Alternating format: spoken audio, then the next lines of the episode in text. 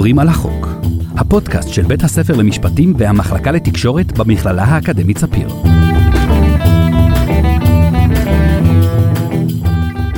היי טל, מה קורה? אחלה עמרי, על מה מדברים היום? היום נדבר על חוק ההסדרים. איזה חוק? ההסדרים, נו זה שמעבירים כל שנה ביחד עם התקציב. חוק ההסדרים?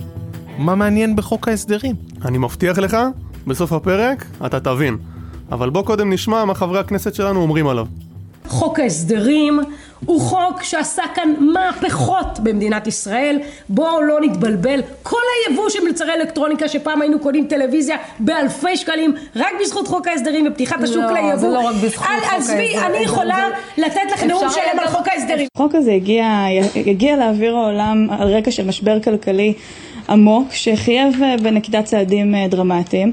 המטרה לא הייתה שהחוק הזה פשוט יישאר ויהפוך להיות דרך לבטל לחלוטין את מעמדה של הכנסת, פשוט לדלג מעליה. חוק ההסדרים לדעתי הוא חוק לא דמוקרטי, צריך לסלק אותו מהעניין, זה לא יכול להיות שאתה מעביר עשרות או לפעמים מאות חוקים חשובים דרך חוק ההסדרים, אני אומר, הח"כים לא מספיק שהם לא יכולים להשתלט על התקציב, אתה מכניס להם עוד 200 חוקים. נשיא המדינה רובי ריבלין אף כינה את החוק חוק עוקף כנסת. תשמע עמרי, נראה לי שמדובר פה בחוק, איך נקרא לזה, בעייתי משהו. לגמרי. ומה שהכי הזוי, הוא שרוב האנשים בקושי שמעו עליו. יצאנו לשאול סטודנטים למשפטים, מה הם יודעים על חוק ההסדרים. אה, אין לי מושג מה זה, גם אחרי שעשינו עבודה בנושא הזה לא הצלחתי להבין. האמת שאין לי מושג. למדנו את זה במסגרת אה, משפט חוקתי, אבל אני עשיתי control alt delete אחרי המבחן, לצערי הרב. אה, לא, האמת שאין לי מושג מה זה חוק ההסדרים. כן. כן. כן. תספרי לנו. זה חוק שעובר, אה, זה חוק תקציבי, אני חושבת, שעובר אה, פעם בשנה, יחד עם התקציב. אה, ובמהות, כאילו זה... בתכלס זה כל מיני שינויים, זה הדרך של הממשלה לטרפד כל מיני אה, החלטות. אני האמת ממש ממש לא ידעתי מה החוק אומר, ושכאילו אני יודעת שיש חוק כזה, לא ידעתי מה זה אומר ואיך זה משפיע עלינו. אז תכלס אנשים לא יודעים מה חוק ההסדרים אומר. גם אני לא כל כך הבנתי. מה הקשר לתקציב, ולמה זה מעורר כל כך הרבה אמוציות? עוד מעט אתה תבין הכל. אבל לטובת המאזינים שלנו, הנה הגדרה קצרה למהו חוק ההסדרים מתוך אתר הכנסת. חוק ההסדרים הוא חוק שהממשלה מביאה לאישור הכנסת בכל שנה לצד חוק התקציב. החוק מאגד בתוכו אוסף של תיקוני חקיקה רבים, שהממשלה רואה צורך באישורם בכנסת כדי ליישם את מדיניותה ואת יעדיה הכלכליים. מגניב. עדיין. מה הקשר לתקציב? הדיונים בחוק ההסדרים נערכים בדרך כלל במקביל לדיונים בתקציב משתי סיבות עיקריות.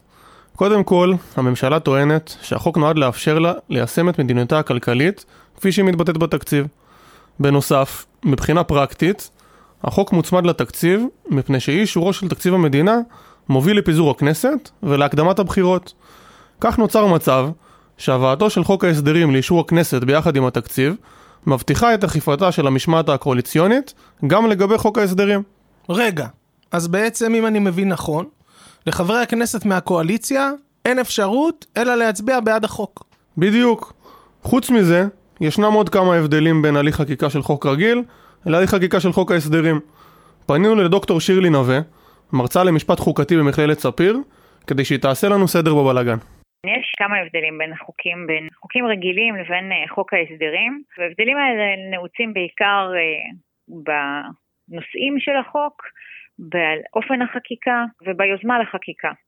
קודם כל היוזמה לחקיקת חוק ההסדרים היא של משרד האוצר, של אה, אגף התקציבים באוצר, שם יושבים בדרך כלל כלכלנים, בעוד היוזמה להצעות חוק ממשלתיות רגילות היא בדרך כלל של השר שהחקיקה נוגעת בתחום סמכותו של משרד המשפטים. זה הבדל אחד. הבדל נוסף uh, קשור לנושא. בעוד שהצעת חוק רגילה עוסקת בנושא מתוחם uh, ומוגדר, החוק ההסדרים משמש כאיזושהי פלטפורמה לחוקים ולתיקוני חקיקה במגוון רחב של תחומים. הוא מורכב ממכלול של נושאים והוא משמש איזשהו אמצעי סל לביצוע חקיקה ותיקוני חקיקה, ובכך הוא נבדל מהצעות חוק רגילות. הבדל שלישי קשור להליך החקיקה. הליך החקיקה של חוק ההסדרים הוא הליך חריג ומהיר, הוא נעשה במקשה אחת ובהליך מזורז ביותר. אנחנו מדברים על חוק שמוגש למליאה כחודש אה, וחצי, חודשיים לפני אישורו, ולכן אה, מוקצה לחברי הכנסת זמן קצוב ומוגבל ביותר לדון בחוק הזה. טוב, אז uh, מתחיל להיות מעניין. אבל uh, איפה כל הסיפור הזה התחיל? תמיד היה פה את uh, חוק ההסדרים? בואו נצא למסע בזמן, לשנת לידתו של חוק ההסדרים.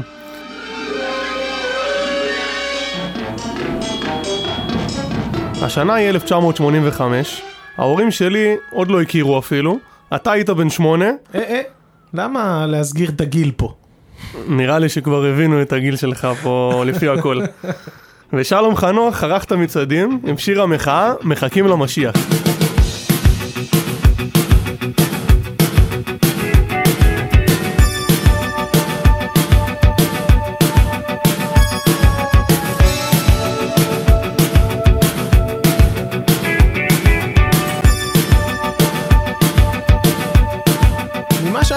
מ-85 זו הייתה שנה די uh, סבבה.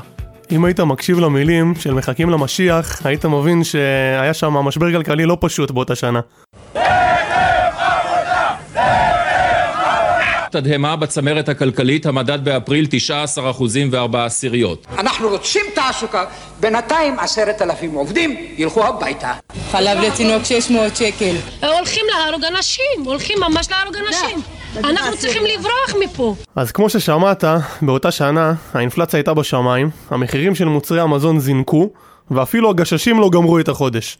אני, יש לי עוד רעיון לליכוד. אני הייתי מציע לליכוד לקצר את החודש בשבועיים, ואז אפשר היה אולי לגמור את החודש בכבוד. וואלה, זה רעיון. בקיצור, היה צריך לעשות מעשה. נו, אז מה עשו? או, אז בהתחלה ניסו לעשות מה שתמיד עושים כשנגמר הכסף. תן לי לנחש, הולכים לאמריקאים. בדיוק. רק שלאמריקאים נמאס כל פעם לבוא ולחלץ אותנו מהבוץ, והפעם הם הציבו תנאי. איזה תנאי? התנאי היה שקודם ישראל צריכה לבצע רפורמות משמעותיות במדיניות הכלכלית שהובילה אותה למצב הנוכחי, ורק אז היא תקבל את הכסף. בקיצור, לתת חכה ולא דגים. משהו כזה. בנוסף, הם גם שלחו לישראל שני כלכלנים בכירים, שיוודאו שתוכנית החדשה תתבצע כמו שצריך. אחד מהם, אולי ניחשת, היה נגיד בנק ישראל לשעבר סטנלי פישר. אותו סטנלי פישר סיפר בריאיון לכלכליסט כמה שנים מאוחר יותר, שמי שאמר לאמריקאים להציב את התנאים, היו בכלל הכלכלנים הישראלים, שהבינו שאי אפשר היה להמשיך ככה יותר. תשמע, זה סיפור.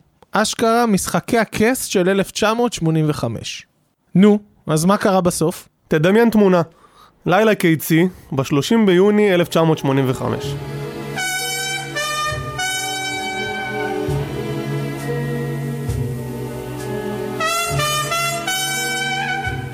שמעון פרס, ראש הממשלה באותה תקופה, מכנס את הממשלה לישיבת חירום. הישיבה כללה את כל שרי הממשלה ופקידי האוצר הבכירים.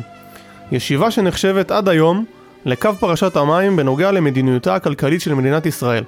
היסטוריונים וכלכלנים מכנים את אותה ישיבה כלידתה של ישראל הקפיטליסטית.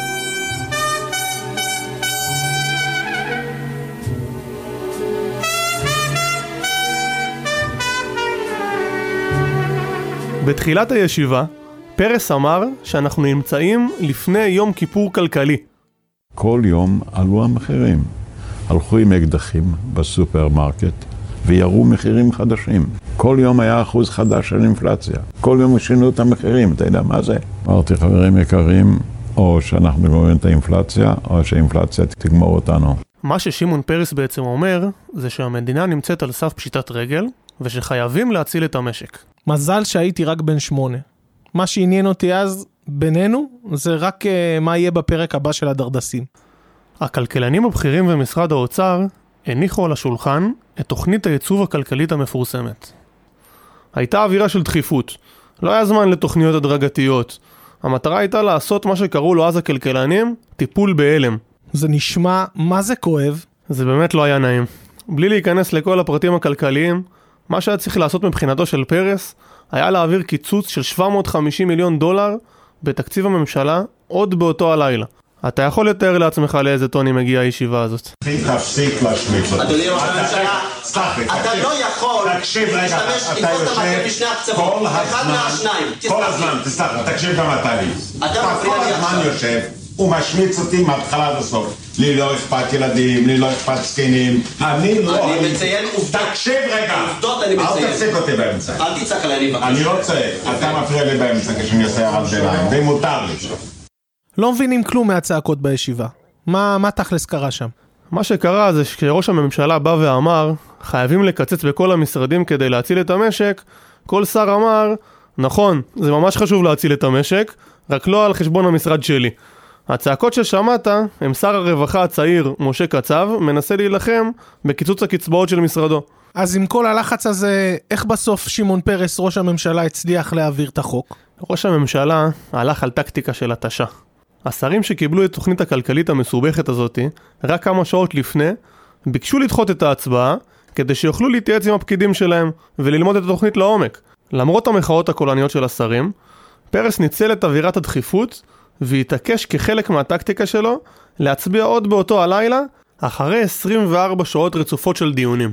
חלק מהשרים ישן, חלק מנמנם, חלק מחוץ לאולם, מתקבלות החלטות. ישיבת הממשלה נמשכה 24 שעות, קיצצתי על ימין ועל שמאל, ומי שעצם את העיניים, הקיצוץ היה עוד יותר עמוק. איזה מלחמת התשה.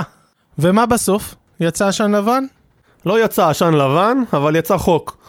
כדי לצמצם את ההתנגדות לתוכנית, ראש הממשלה העלה להצבעה כל פעם סעיף אחר מתוכה. ככה כשמצביעים על קיצוץ במשרד הרווחה למשל, לשאר השרים לא אכפת מהקיצוץ, ולכן לא אכפת להם להצביע בעד או נגד. ותוסיף לזה גם את העובדה שכולם מתים ללכת לישון. 24 שעות דיונים ברצף. בדיוק. אחרי שסיימו להצביע על כל סעיפי התוכנית, כבר הגיעו לחודש יולי. ואז, ב-1 ביולי 1985, הממשלה הביאה את כל הסעיפים שהוסכם עליהם בישיבה, כחוק אחד להצבעה בכנסת, בתקנות חירום ובצמוד לתקציב. זה היה הצעד המשלים לתוכנית הייצוב הכלכלית המפורסמת, וככה נולד למעשה חוק ההסדרים הראשון. חתיכת סיפור, אבל עדיין משהו לא מסתדר לי. אני מבין שב-1985 היה מצב חירום, אבל למה עדיין צריך את חוק ההסדרים היום? יפה. את השאלה הזו הרבה אנשים שואלים עד היום, 34 שנים אחרי אותו לילה קיצי. בוא נשמע מה אומרת על כך דוקטור שירלי נווה. בתקופה ההיא הגיבוש של החוק היה בהסכמה אה, מלאה. כל הגורמים במשק פעלו יחד, ארגוני עובדים, ארגוני מעבידים, אה, ממשלת האחדות אה, שישבו בה אז שתי המפלגות הגדולות, הליכוד והמערך, הכל כדי להגיע לאיזושהי הסכמה משותפת. אבל אה, עם הזמן ההסכמה, רכיב ההסכמה נעלם, והחוק שהיה בזמנו בהיקף של כ-15 עמודים, עליו טפח לכמה עשרות רבות של עמודים, כך שאנחנו מדברים על חוק ששינה הן את התכלית הראשונית שלו והן את אופיו עם השנים. עכשיו תבין, טל, ברגע שהממשלה הבינה איזה כוח יש לה בידיים, החוק הלך ותפח ובעצם הפך לכלי להעברת רפורמות וחוקים בצורה מהירה. האמת שמה שאתה אומר לא נשמע כזה רע. גם חוסכים זמן, גם חוסכים כאב ראש. אפשר לראות את זה ככה, אבל שנינו יודעים שהמציאות קצת יותר מורכבת. בוא תשמע מה אומרת דוקטור שירלי נווה על הבעייתיות שבחוק ההסדרים. חוק ההסדרים בהחלט מעורר ביקורת, הוא מעורר הרבה מאוד בעיות מבחינת תהליך הדמוקרטי התקין. הבעיה הראשונה שלו היא קשורה לאופן שבו מצביעים עליו. ההצבעה על חוק ההסדרים כרוכה בדרך כלל בהצבעה על תקציב המדינה, מה שמציב אותו ברמה של הצבעה של אמון או אי אמון לממשלה. אם הוא לא מאושר, מתפזרת הכנסת. כלומר, יש איזשהו איום שגלום בהעברת התקציב. חברי הכנסת פועלים בידיעה שאם הם לא יעבירו את התקציב עד לחודש, אה, סוף חודש מרץ של שנת התקציב, תארכנה אה, בחירות חדשות לכנסת. והמצב הזה יוצר ניגוד עניינים בין שיקול הדעת של חבר הכנסת היחיד כמחוקק לבין החובה שלו כחבר כנסת. ובהיבט הזה חוק ההסדרים הוא חוק שפוגע בריבונות חבר הכנסת כמחוקק, וזאת אחת הביקורות הקשות שהוא אה, מעורר. בעיה נוספת היא בעיית תיחום הזמן. חוק ההסדרים מתקבל בהליך מהיר יחסית, זה בוודאי מעורר הרבה ביקורת. הוא מוגש למליאה כחודש וחצי, חודשיים לפני אישורו. תקופה שהולמת באמת אה, חוק תקציב, אבל פחות הולמת חוק מורכב, מסועף ורווי נושאים כמו חוק ההסדרים. מה שגורם לכך שהרבה חברי כנסת מתקשים לדעת על מה הם מצביעים. ביקורת האחרונה אה, נוגעת לכך שחוק ההסדרים בעצם מחזק את הממשלה על חשבון הכנסת. הוא משמש אה, בידי הממשלה איזשהו, כאיזשהו כלי להעברת רפורמות, לשינוי מדיניות, לדחיית חוקים שהכנסת uh, קיבלה, אפשר באמצעותו לדחות כניסה לתוקף של uh, חוקים. הממשלה יכולה באמצעותו לעשות מהפכים כלכליים, חברתיים, מבלי שהיא מקיימת uh, דיון ציבורי על השינויים האלה, על המהפכים האלה. כך שבאיזון הכולל, חוק ההסדרים הפך להיות כלי קבוע בידי הממשלה, כלי רב עוצמה, שחקן קבוע בספר החוקים של אה, מדינת ישראל, אה, גם בזמנים של שגשוג, ולא רק בזמנים של קשיים כלכליים. טוב, אז הבנתי שיש בעייתיות בחוק ההסדרים, אבל uh, אני בטוח שיש כאלה שחושבים שזה רעיון מצוין. בדיוק בשביל זה הלכנו לדבר עם חבר הכנסת רועי פולקמן, יושב ראש סיעת כולנו. פולקמן היה שותף לכמה דיונים בחוק ההסדרים, והשתמש בו ככלי להעברת חלק מהרפורמות של מפלגת כולנו בממשלה האחרונה. שאלנו אותו מה דעתו על חוק ההסדרים. התשובה היא די קלה מבחינתי. אה, מדובר ברע הכרחי. מדובר בחוק אה, בעייתי במובן של התהליך הפוליטי והפרלמנטרי שלו, אבל במציאות הפוליטית הישראלית, כדי לקדם רפורמות מבניות, הוא חוק נחוץ. אהבתי את ההגדרה, רע הכרחי. אבל מה עם העניין שחברי הכנסת טוענים שאין להם זמן ללמוד את החוק? מי שרוצה אה, לבוא לדיונים, להיות מעורב, יכול, לא צריך להגזים בדרמה סביב החוק הזה.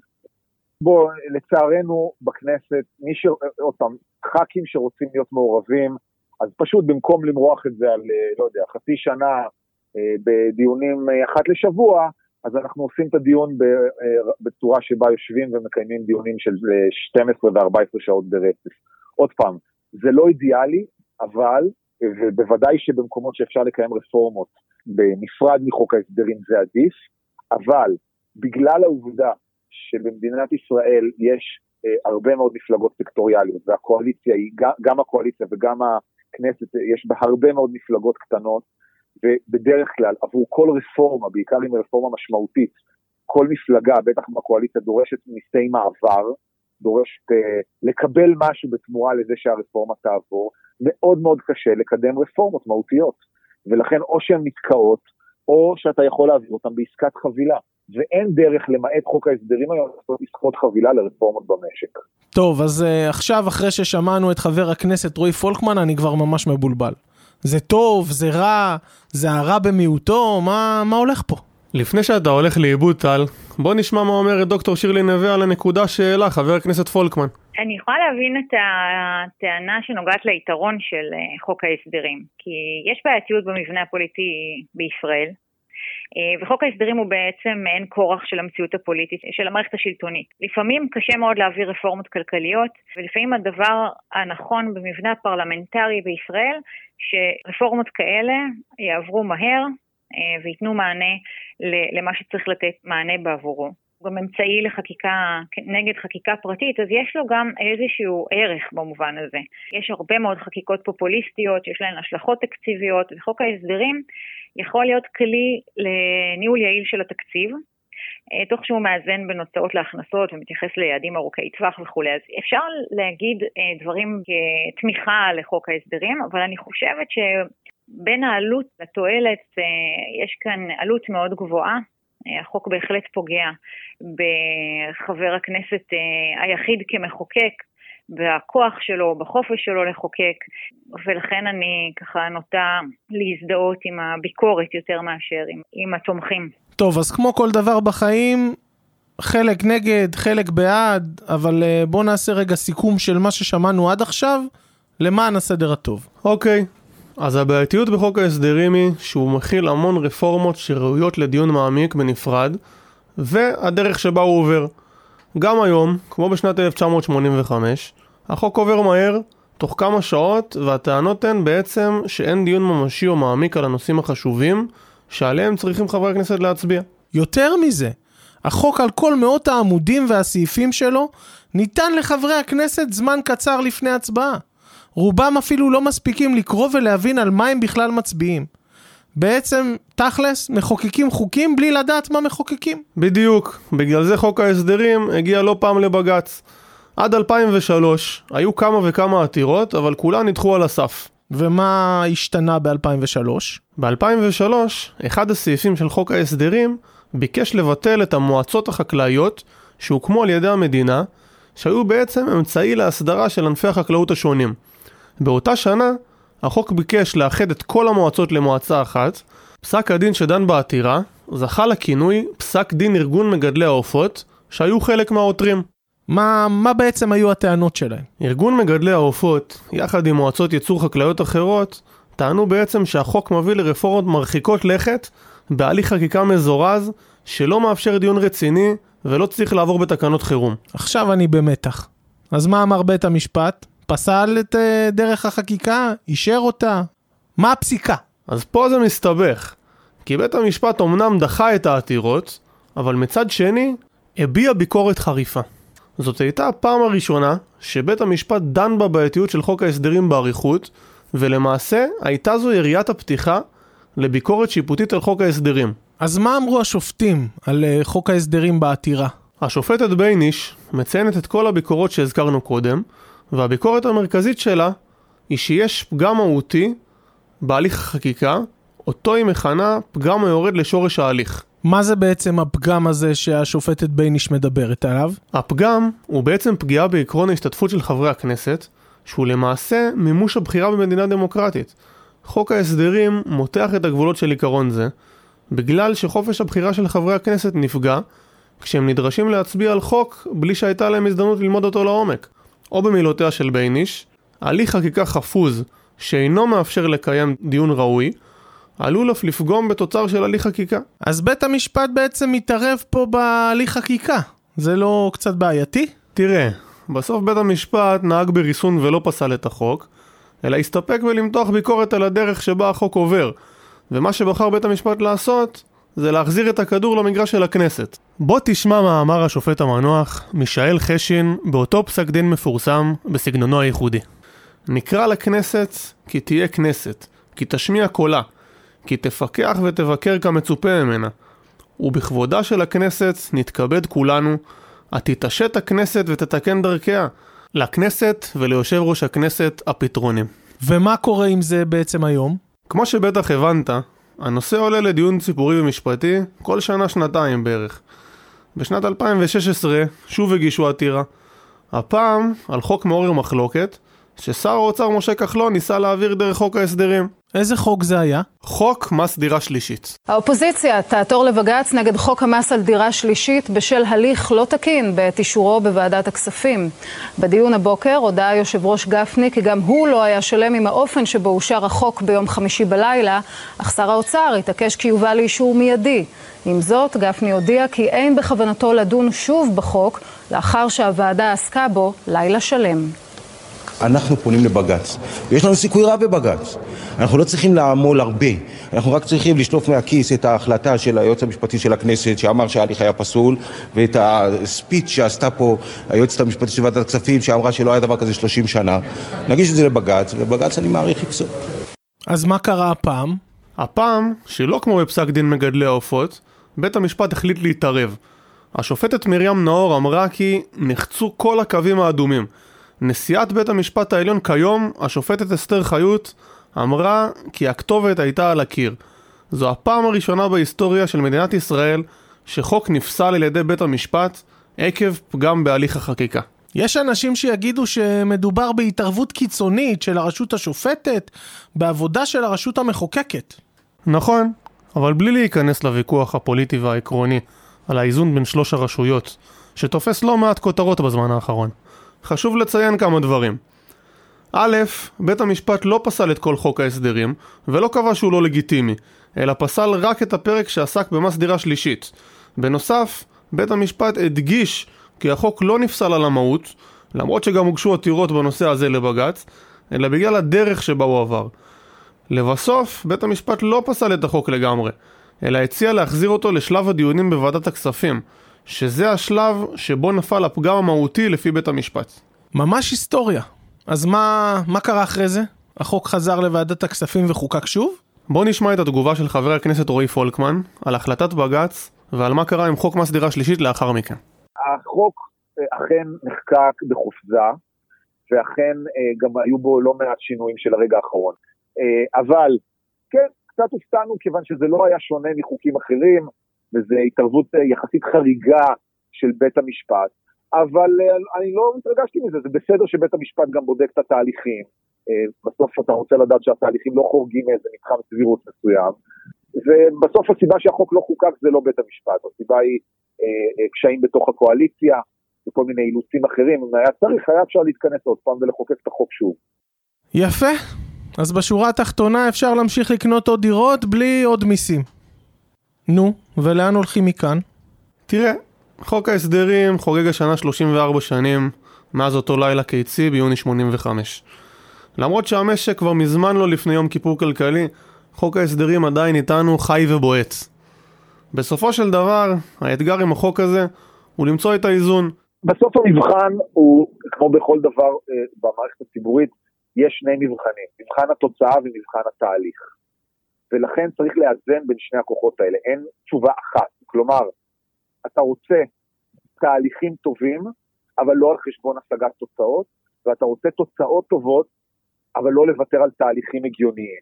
ולכן אה, חוק ההסדרים הוא דוגמה למתח בין שני המרכיבים האלה, שמצד אחד לפעמים, בגלל האופי הבעייתי של ההתנהלות הפרלמנטרית, תהליכים יותר מדי ארוכים בסיטואציה שבה יש קואליציות שתלויות בהרבה מאוד מפלגות, לא מביאות לתוצאה, ואז אנחנו מייצרים מערכת פוליטית שלא מצליחה לספק תוצאות, לבין תהליכים שלעיתים בשביל התוצאות מייצרים מחטפים שהם לא מספיק טובים במבחן התהליך.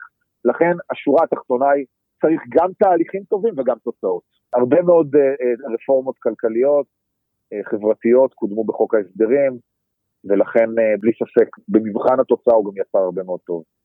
אז בקיצור, אחרי כל מה ששמענו, יש לי תחושה שהחוק הזה לא הולך להיעלם בזמן הקרוב. תשמע, יש כמה אפשרויות. יכול להיות שהמגמה של התערבות שיפוטית בחוק ההסדרים תתרחב, ויכול להיות שהכנסת תתעשת ותתקן בעצמה את הליכי החקיקה הקשורים לחוק ההסדרים, כפי שביקש השופט המנוח חשין. האמת היא שיש אפילו סימנים המעידים על כך. דוקטור נווה מעדכנת. לאחרונה הכנסת החליטה החלטה מאוד חשובה. בחודש פברואר 2018 אה, החליטה ועדת הכנסת לפצל את סעיפי חוק ההסדרים לוועדות השונות בכנסת. צריך להבין, יש בעולם חוקי הסדרים כמו החוק הישראלי, אבל הם נדונים אה, בוועדות השונות, נדונים בוועדות נושאיות. לכן השינוי הזה שהכנסת עשתה הוא שינוי משמעותי. עמרי, אז כנראה שנצטרך לחכות לראות מה יהיה עם חוק ההסדרים בעתיד. יש לי תחושה שאפילו ניפגש פה לעשות חלק ב'. טוב, אני מקווה ששכנעתי אותך שחוק ההסדרים הוא לא כזה נושא משעמם אחרי הכל. שכנעת אותי. אני די בטוח שגם המאזינים שלנו ישתכנעו.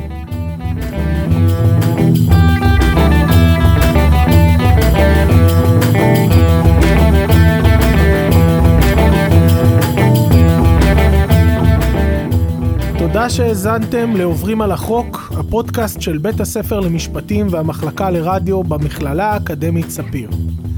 תודה למאיה גאייר, דוקטור יופי תירוש ולירז יפה. תודה לאבי בללי על המוזיקה ולאילן צלר. תודה לחבר הכנסת רועי פולקמן ודוקטור שירלי נווה. אנחנו היינו עמרי גבעתי וטל רוטר. נשתמע.